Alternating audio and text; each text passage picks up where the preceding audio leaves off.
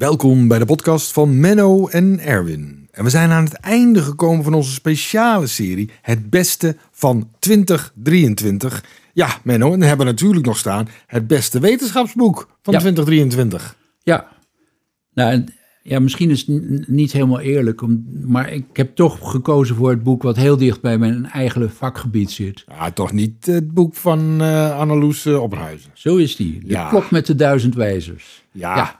We, natuurlijk, we hebben natuurlijk een hartstikke leuk interview met haar gehad. Eh hebben we aflevering 77 voor de mensen die het interessant vinden. Hebben we dat hele boek besproken met haar. Ja, maar een beetje de zaak zo overziend. Eh, ja, ik heb een heel leuk, ik lees op dit moment een fantastisch boek over het vroege geschiedenis van de zoogdieren. Maar dat is zo specialistisch dat eh, Ja. als je nou echt een boek wil hebben wat, wat handig en nuttig is en wat heel veel tips heeft om, om te slapen, om gezond te eten, om, om, om sportprestaties optimaal te krijgen, om het weekend goed door te komen, ja, dan kom ik toch op het boek De Klok met Duizend Wijzers van Ja. eh, inderdaad van Annelies Opperhuizen en Marijke Gordijn. ja. Want ze leggen, nou ja, ze- wat, wat, wat was jouw idee van dat interview? Nou, de- wij, hadden, we hebben niet zo vaak meer dat we een gast hadden, Menno. Dus we hadden voor de eerste keer weer een gast. En dat was heel leuk. Het was ook op de dag dat ze me gingen publiceren. Of, ehm, Ja, toen het uitkwam. Ja. ja. Het was ook bij mij op de zaak. Want we hadden een speciale studiodag, eh, zeg maar. En toen namen we onze podcast op. Dus dat was ook bijzonder. Ehm, maar ja, ik, ik, ik merkte wel van hoe, hoeveel invloed wel niet de tijd en, en klokken eh, op, ja, op je welzijn hebben. ja. Ja. Nou, dat is eigenlijk inderdaad wel het bijzondere van het boek, dat dat probeert duidelijk te maken eh, op welke manier je daar ook op kan inspelen. Ja. Eh, en wat toen maar voor een deel een beetje in de druit kwam, is, maar het boek staat echt barstensvol met adviezen. Ja. eh, hoe je nou, je eigen leven prettiger kan maken door rekening te houden met, met hoe jij zelf, wat voor soort biologisch kloksysteem je hebt Ja. dat gaat dus voornamelijk om de vroege types. Hè, die, dus, die graag vroeg opstaan en dan ook graag eerder naar bed gaan. En de late types. Er is gewoon een realiteit dat daar verschil zit tussen mensen. Ja. En dat je daar ook eigenlijk op, in, mee, op moet proberen in te spelen. Want het heeft geen zin om je daartegen te verzetten. Nee, nou, ik heb nu een puber van 13 en ik merk dat het steeds later wordt. Ja, Nou, maar ja, dat is dus allemaal in de aard van het beestje. Ja. En het enige is wat, wat jammer is, dat dus dat schoolsysteem er geen rekening mee houdt. Nee, nee. Maar het, eh, maar het is goed om het te weten dat het, Ja. dat het niet qua je wil is, maar dat het in feite het lichaam is wat, dat, eh, wat, wat het die kant op duwt. Ja. Nou ja, wat, dus heel bijz- ik, wat bijzonder is en wat mij ook wel duidelijk geworden is toen ik eh, ook nog achteraf met de, met de schrijvers praatte, is heel veel mensen hebben toch problemen met slapen. En, eh, en daarvoor staan toch wel heel simpele, maar nuttige adviezen. Ehm, dat een slaapkamer donker en koel moet zijn, dat begint wel een beetje eh, Ja. door te dringen. En dat je een beetje rustig moet houden. Maar dat je bijvoorbeeld, zeker voor, voor vrouwen, dat die moeten zorgen dat hun voeten en hun handen niet te koud zijn. nee. En dat het, is wel heel, klinkt heel ouderwets om bedsokken aan te hebben, maar dat dat bedsokken. eigenlijk helemaal geen slecht idee is. Bedsokken, Menno, ja. Oké. Ja, Ja. want als je, het kost je ontzettend veel tijd om die, om die voeten warm te krijgen. Ja, ja, de doorbloeding bij, bij mannen gaat nog wat makkelijker dan bij vrouwen. Eh, dus het kost je gewoon inslaaptijd als je die, die, met koude voeten naar bed gaat. Ja. Nou, dat zijn allemaal van die hele kleine, simpele dingen. En verder wat heel belangrijk is, en wat eigenlijk toch, waar ik zelf ook wel tegen zondig, is eh, hoe we omgaan met licht. En dat we bijvoorbeeld s- eh, s s'avonds eh, vaak veel te veel licht om ons heen hebben. Ja.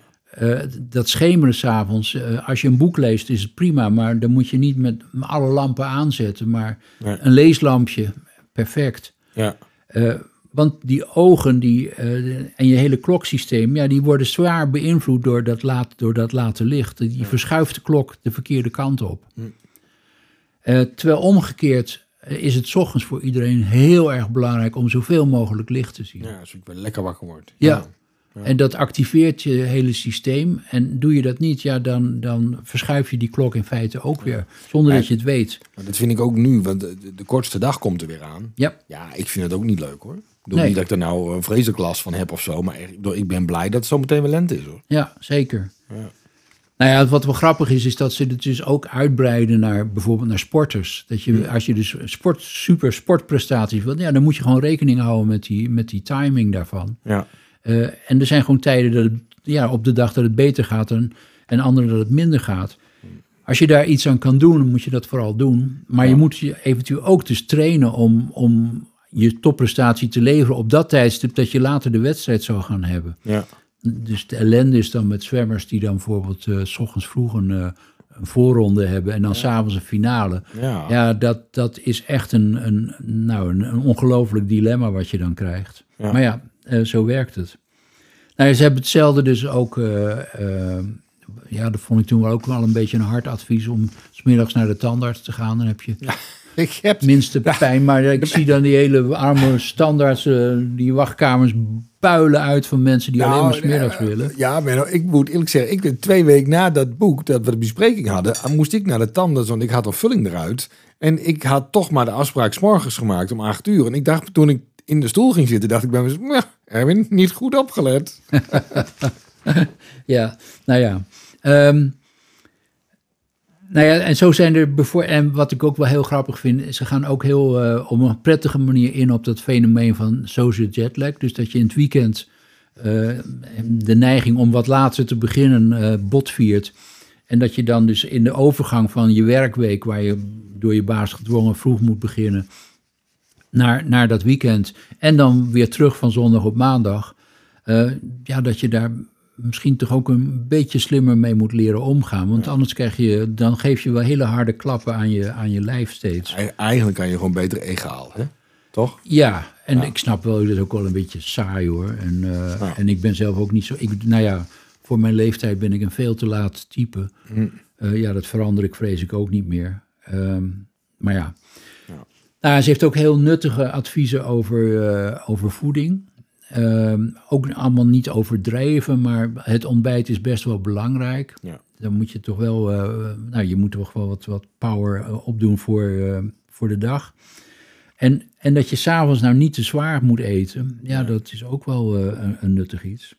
En dus zeker niet vlak voordat je gaat slapen nog een enorme energie, mm, want dat gaat ook niet goed. Nee. Nou, het zijn allemaal hele praktische adviezen en het Maar is dat- dus... Dat ja. heb ik ook bij mezelf, Menno. Dat ik, ik, ik heb het gevoel dat ik echt eh, veel minder zwaar kan eten dan, dan, dan toen ik twintig was of zo. Ik, ik- dat hoef ik allemaal niet meer zo heel zwaar. Nee, nou je energieuitgaven waren misschien toen ook wel wat hoger. Ja. Geen idee. Ik bedoel, hoe, eh, hoe, hoe veel jij sport bedreef of zo. Ik, Nou ja, er zijn wel tijden geweest dat ik, ik, ik- daar, als ik daar achteraf aan terug denk, ik, jeetje, hoe deed ik dat? Dan was ik aan het zwemmen en eh, duiken en, eh, en volleybal en dit en dat. Ik denk, hoe, hoe deed ik dat in hemelsnaam? Ja. Hoe, hoe kan dat? En nu is onze sport gewoon eh, met de hond wandelen en een podcast opnemen, Menno. Zo ongeveer. Ja, nee, en dat voor en overbuigen naar die microfoon is wel een goede oefening. Ja, nee. Nou ja, het, ehm, het, het leuke van het boek is dat het dus ook, het verbindt het met, met eigenlijk de achterliggende principes. Het verklaart in een hele simpele manier, maar heel adequaat hoe, hoe, hoe, hoe dat allemaal tot stand komt.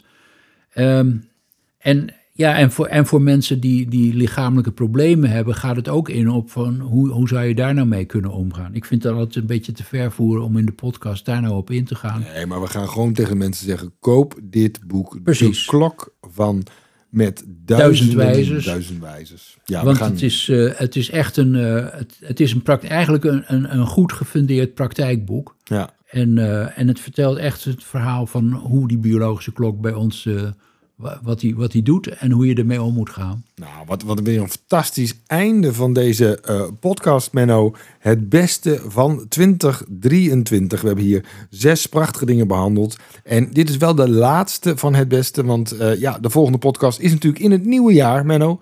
En dan gaan we weer in een gewone wekelijkse woensdag uitzendingen beginnen. Dus tot in het nieuwe jaar.